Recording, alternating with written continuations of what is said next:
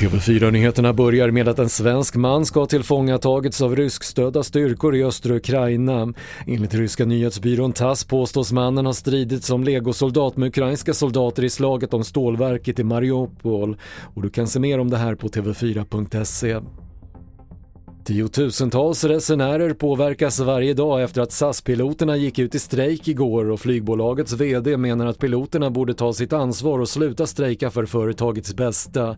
Men pilotfackets ordförande Martin Lindberg slår tillbaka. Det är klart att eh, människor skulle resa med oss nu och inte kommer iväg på sin semester eller på arbetsresor eller andra resor man ska företa sig är besvikna och det förstår vi. Vi beklagar verkligen den situationen. Men vi menar att hela ansvaret ligger på SAS. Vi har varit beredda att ingå avtal. Vi har varit beredda beredda att skriva på och ge SAS de besparingar man behöver.